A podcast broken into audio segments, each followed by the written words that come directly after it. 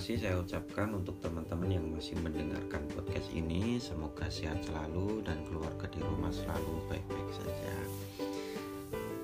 Hmm, sekarang masuk ke episode pertanyaan ya. Kita akan menjawab pertanyaan yang masuk dan ini ada pertanyaan cukup menarik yakni tentang kecantikan ya atau ya kita ambil umumnya yaitu good looking cantik atau ganteng ya atau good looking itu apakah merupakan suatu kelebihan, suatu anugerah atau bahkan suatu petaka? Sesuatu yang membuat dirinya itu menjadi mendapatkan banyak tekanan dan sebagainya. Nah kira-kira ini gimana nih? Karena sering kan ya kita ketemu seseorang yang karena dia itu cantik ya atau dia itu ganteng itu seolah-olah itu memiliki apa ya jalannya itu lebih mudah gitu loh.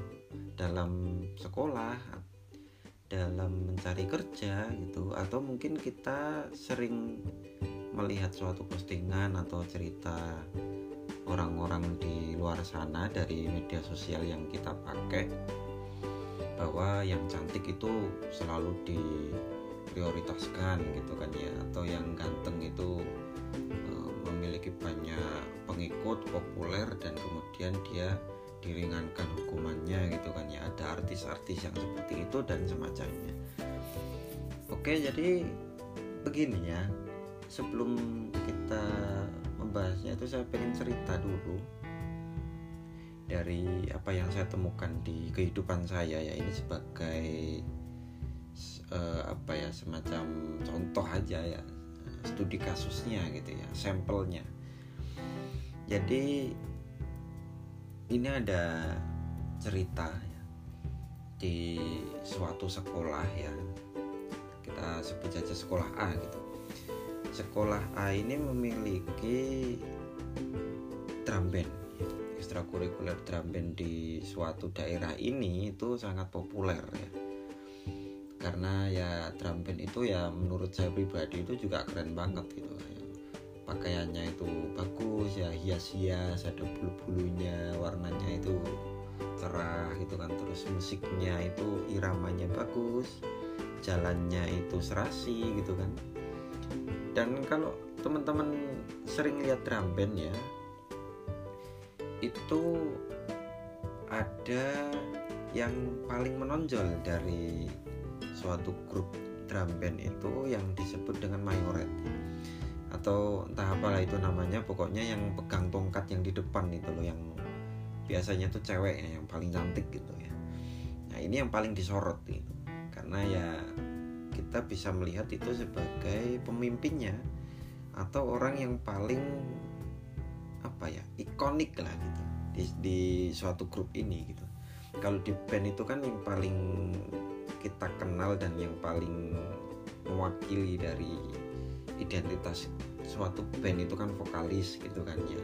Kalau negara itu presiden gitu kan dan di drum band ini adalah mayoret ini. Nah, mungkin mungkin namanya saya lah salah lah ya mohon di uh, dibenerin tapi setahu saya itu namanya mayoret gitu. Nah di sekolah ini itu grup drum bandnya itu sangat terkenal ya sangat besar gitu. Populer lah di daerah ini dan semua orang tahu lah. Sekolah ini memiliki drum band yang sangat luar biasa. Dan ada satu cewek yang jadi uh, mayoret di situ. Ya. yang jadi pemimpinnya ini yang jadi ikon ini ya. dia itu cantik ya tinggi semampai ya kulitnya bening ya intinya perfect lah. Sebagai cewek ya kita tahu lah. Cantik tuh kayak gimana kita tahu. Karena dia itu cantik ya. Ya saya, saya tahu saya sering ketemu. Dan menurut saya sebagai pandangan seorang cowok itu mbaknya memang cantik. Karena mbaknya ini cantik orang itu berekspektasi tinggi terhadap dia gitu karena dia cantik dan memang yang jadi identitas mewakili suatu drum band ini memang harus yang tercantik di seluruh siswa di sekolah itu maka mbaknya ini terpilih sebagai uh, leadernya ya kalau kita bilang seperti itu ya sebagai mayoretnya itu. Nah mbaknya ini memiliki beban yang sangat tinggi karena orang berekspektasi tinggi terhadapnya eh kamu lo cantik gitu kan. Kamu harus membawakan yang terbaik. Kamu harus melakukan yang terbaik demi nama baik dari sekolahmu dari dramenmu gitu. ini adalah tekanan yang luar biasa. Mungkin teman-teman ada yang belum paham tapi saya pernah berada di titik seperti ini yang diberikan ekspektasi yang tinggi dan itu luar biasa berat jadi mbak ini itu karena dia cantik dan terpilih gitu ya dia tentu saja sering disorot karena ketika latihan misalnya atau ketika, ketika tampil dia itu kan pasti yang paling depan yang paling mencolok gitu kan. Semua orang mengaguminya semua orang menganggap dia sebagai sosok yang ideal ya ideal entah entah karena kecantikannya atau bagaimana ya tiap orang beda-beda ya. Yang jelas mbaknya ini kita bisa bilang adalah sosok yang sempurna tapi jalan hidupnya ya itu ternyata tidak seideal itu tidak semulus itu. Karena karena dia itu memiliki basis fans ya atau basis pengagum yang cukup besar di kalangan cowok gitu ini menimbulkan suatu rasa gimana ya dari ya pokoknya gimana gitu ya dari teman-teman ceweknya yang lain gitu. biasa ya kayak gitu ya biasa.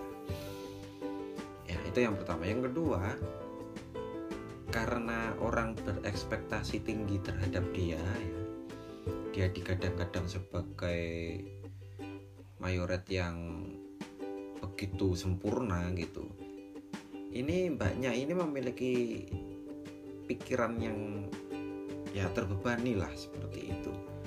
Yang membuat ketika dia itu meng mengalami atau melakukan suatu kesalahan yang sebenarnya itu tidak terlalu besar ya kesalahan kecil gitu aja. Itu orang itu langsung oh, memberikan oh macam-macam lah ya. Ini oh, ada yang marah-marah ada yang bilang ini ini ini dan seterusnya yang membuat dia itu menjadi tertekan. Jadi dua hal ini membuat dia itu justru mengalami tekanan yang luar biasa dalam hidupnya. Di sisi lain oke okay, dia memiliki popularitas memiliki hmm, apa itu kelebihan ya karena dia itu kan membanggakan sekolahnya itu kan ya karena dia memiliki prestasi di dalam bidang ini yang membuat dia itu dimudahkan oleh guru-guru dan sekolah gitu diapresiasi gitu kan. Tapi di sisi lain dia juga harus menerima fakta bahwa dia memiliki haters ya. Memiliki uh, orang-orang yang tidak suka dengan dia dan itu pastilah ya. Pasti karena itu konsekuensi orang yang populer ya memang seperti itu. Dan juga dia memiliki tekanan bahwa dia itu harus selalu sempurna nggak boleh salah ya karena ekspektasi orang tinggi. Nah seiring waktu ya yang saya tahu justru mbaknya ini mengalami jalan hidup yang kurang baik ya. E, masalahnya itu banyak ya. E, difitnah itu dan saya nggak tahu kabar terakhirnya ya karena ini udah udah sangat lama ya tahun tahun berapa ya? Saya saya lupa juga sekitar 7-8 tahun yang lalu itu udah lama banget. Tapi terakhir kali saya tahu ya yang 7-8 tahun lalu itu mbaknya ini sedang tidak baik-baik saja. Jadi teman-temannya banyak yang benci sama dia. Juga ada fitnah macam-macam terhadapnya yang membuat sekolahnya ini juga tidak lancar ya begitu nah itu itu cerita cerita yang ingin saya sampaikan apakah cantik itu anugerah atau bisa menjadi petaka? Dan dalam kasus mbak ini itu ini adalah kasus eh, bahwa kecantikannya kelebihannya ini membuat dirinya itu mengalami kesulitan ya. Cobaannya itu lebih besar gitu loh nah terus yang kedua ini ada cerita lagi bahwa uh, ada seorang cewek ya cewek, cewek lagi lah ya. Karena kalau kalau nyari contoh cowok ini susah juga. Karena biasanya cowok ganteng itu masalahnya kan nggak terlalu nggak terlalu rumit juga gitu. Jadi saya saya coba kasih contoh yang cewek gitu ya. Ini ada uh, mbak yang sangat cantik ya. Cewek ini itu cantik cantik dan bisa dikatakan salah satu yang tercantik di angkatannya gitu. Jadi di sekolah ini di angkatannya itu ada cukup banyak ya. Dari berbagai daerah yang jauh-jauh gitu. Kemudian kumpul di situ belajar bareng. Dan karena kemajemukan itu mbaknya ini kebetulan memiliki style fashion yang berbeda dan memiliki semacam apa ya gaya penuturan yang lembut gitu. Jadi orang itu seketika itu akan menilai bahwa mbak ini itu beda gitu. nah, istimewa gitu. Dan membuat uh, mbaknya ini semacam jadi idola gitu. Tapi idolanya itu diam-diam gitu nggak nggak seperti yang mbak awal yang tadi saya ceritakan. Nah singkat cerita yang si mbak ini ya mbak, mbak kedua ini itu disukai banyak cowok gitu kan ya. Banyak yang coba PDKT sama dia banyak yang ngasih kado gitu kan ya ngasih hadiah eh, mentraktir sesuatu mengantarkan ke sekolah gitu kan ya. Ya pokoknya macem-macem lah ya modus cowok itu kan macem-macem gitu. Dan mbak ini itu entah apa yang dia pikirkan itu semuanya itu diterima gitu loh. Ada hadiah diterima ada yang apa itu diterima gitu. Jadi dalam sudut pandang tertentu seolah-olah mbak ini itu menerima semua cowok gitu menerima kebaikan mereka dan yang kalau kita bilang itu ya nggak nggak salah juga karena ketika kita dikasih sesuatu kan baik ya menerima pemberian itu baik. Tetapi sangat jelas di sini bahwa cowok-cowok yang memberikan sesuatu ini memang modus ya ada maksud gitu. Nah seiring waktu karena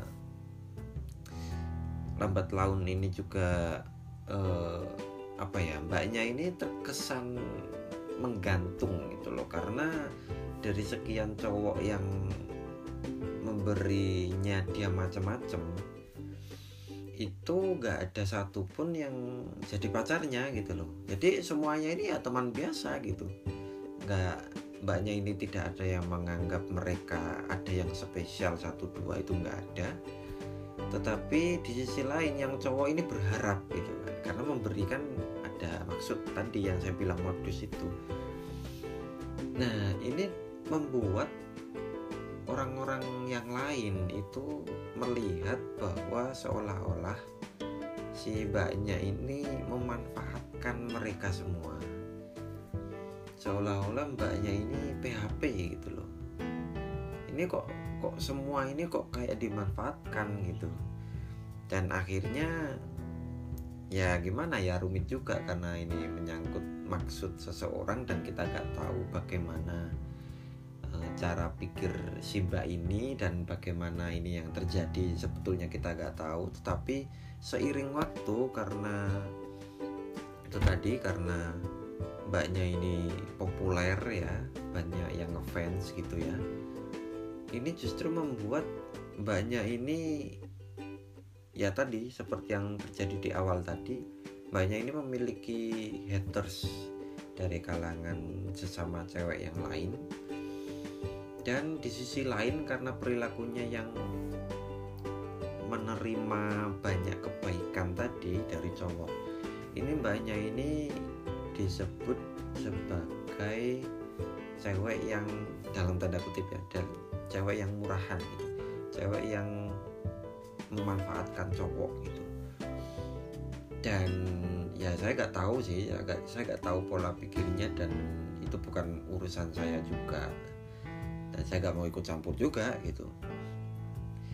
Tapi begini eh, kebetulan cewek ini memang cukup dekat sama saya sebagai sahabat ya karena karena saya juga gak nggak ikut ikutan modus juga ya.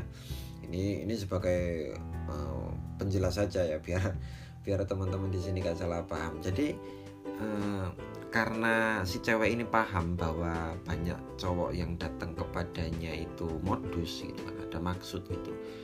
Ini si cewek ini itu bilang ke saya bahwa dia itu susah gitu.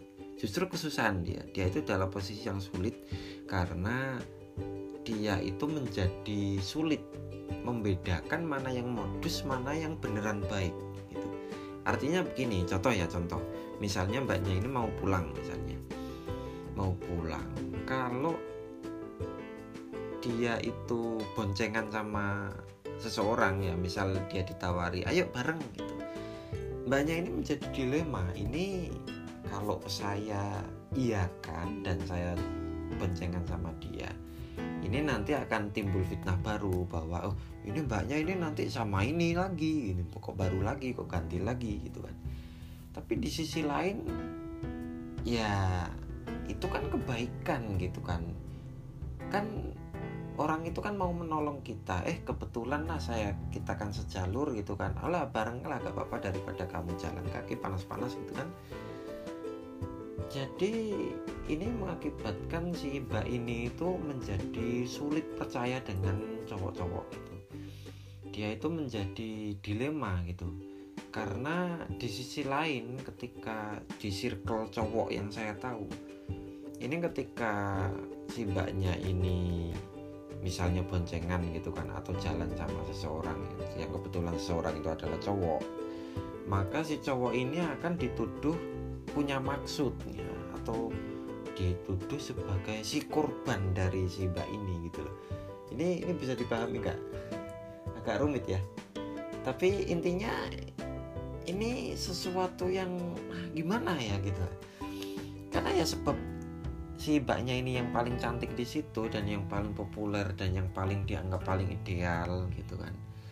Justru membuat suatu pertemanan atau suatu interaksi sosial di angkatan ini itu menjadi rumit dan sulit bagi si cewek atau bagi si cowok yang menjadi temennya. Oke bisa dipahami ya ini memang sesuatu yang saya nggak tahu ini apakah sering terjadi di luar sana tetapi ini saya temui secara langsung dan saya lihat sendiri. Nah, maksud saya begini, maksud saya oke okay, di luar sana itu si cantik atau si good looking ya dan seterusnya itu oke okay lah mereka sering kali mengalami atau mendapatkan suatu prioritas atau suatu jalan yang dimudahkan tetapi saya ingin bilang bahwa itu tidak berlaku selamanya. Jadi banyak sekali mereka yang cantik itu justru mengalami fitnah atau mengalami perlakuan yang tidak enak atau bahkan mengalami sesuatu yang merugikan dirinya. Karena memang kaidahnya orang yang paling mencolok itu justru yang paling banyak dapat cobaan gitu. Kan ada pepatah paku yang menonjol ya itu yang dipukul gitu kan yang paling sering dipukul ya paku yang paling menonjol dan orang-orang yang menonjol ini artinya kalau kamu itu yang paling cantik di angkatanmu di kelasmu di sekolahmu di kampusmu itu kamu akan menjadi orang yang paling disorot ya. Dan kamu akan mengalami semacam ya kamu akan dapat itu tadi. Kamu punya banyak fans tapi di sisi lain kamu tidak bisa menolak konsekuensi bahwa kamu akan dapat banyak haters. Gitu. jadi semacam hukum alam itu udah. Jadi semakin banyak orang yang kagum dengan kita semakin banyak juga yang benci sama kita. Dan ya ini memang sulit sih karena memang ini pola dunia yang sejak dulu ada. Cuma yang ingin saya tekankan sekali lagi bahwa tidak selamanya cantik itu anugerah. Tidak selamanya good looking itu pasti selalu mulus pasti selalu enak pasti selalu diprioritaskan. Tidak tentu tidak tentu selalu begitu gitu loh. Nah nggak mesti.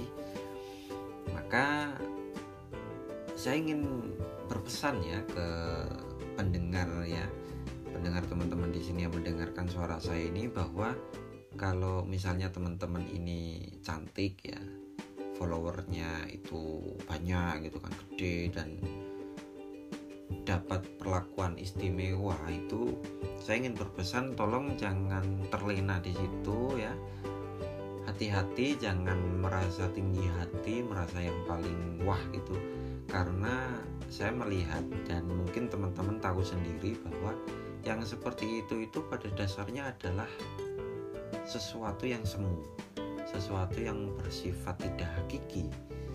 Kita bisa saja yang paling cantik tetapi ketika skill kita itu kosong intelektual kita lemah ya integritas kita itu tidak diakui secara baik memang cantik itu bertahan seberapa lama toh? Kan begitu ya orang itu akan melihat oke okay, yang pertama itu yang dilihat itu fisiknya wajahnya kulitnya eh, dan seterusnya ya.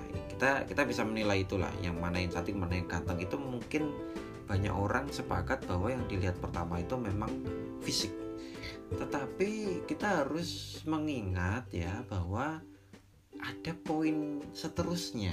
Cantik itu ya ya iya ganteng iya iya. Tetapi bukan itu saja. Kita melihat personalitinya kepribadiannya. Ini tanggung jawab atau tidak gitu kan.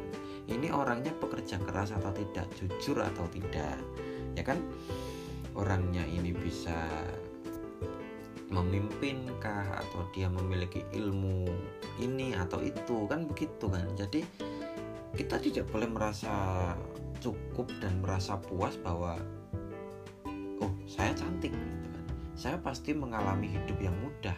Saya pasti mendapatkan jodoh yang luar biasa yang tinggi yang sultan dan seterusnya. Tidak tidak begitu gitu. Jadi oh, ayolah kita lebih lebih fokus kepada skill kita. Ayo kita belajar, ayo kita sering-sering ikut pelatihan, ayo kita berbanyak pengalaman, berbanyak relasi, prestasi. Karena itu yang lebih global ya. Mata uang yang lebih global diterima di masyarakat. Karena kalau cantik itu di luar sana pasti banyak yang lebih cantik. Pasti lebih banyak yang lebih keren yang yang lebih ganteng yang lebih gagah. Kita gak bisa mengandalkan itu saja. Kita kita harus uh, merawat diri ya. Uh, kulit kita jaga ya. Kita harus selalu wangi selalu bersih. Tapi itu saja tidak cukup. Kita harus bertanggung jawab kita harus manajemen waktunya harus baik kita harus tahu banyak hal keilmuannya harus kuat dan seterusnya. Itu yang membuat kita menjadi diakui menjadi kuat. Nanti teman-teman mau lanjut studi S2 S3 di mana-mana mungkinnya ya. Atau mau kerja profesional dan seterusnya. Kecantikan atau kegantengan itu ada suatu dunia di luar sana yang itu tidak menjadi tolak ukur tapi mereka hanya melihat prestasimu apa ya pencapaianmu apa ilmu yang kamu kuasai seberapa.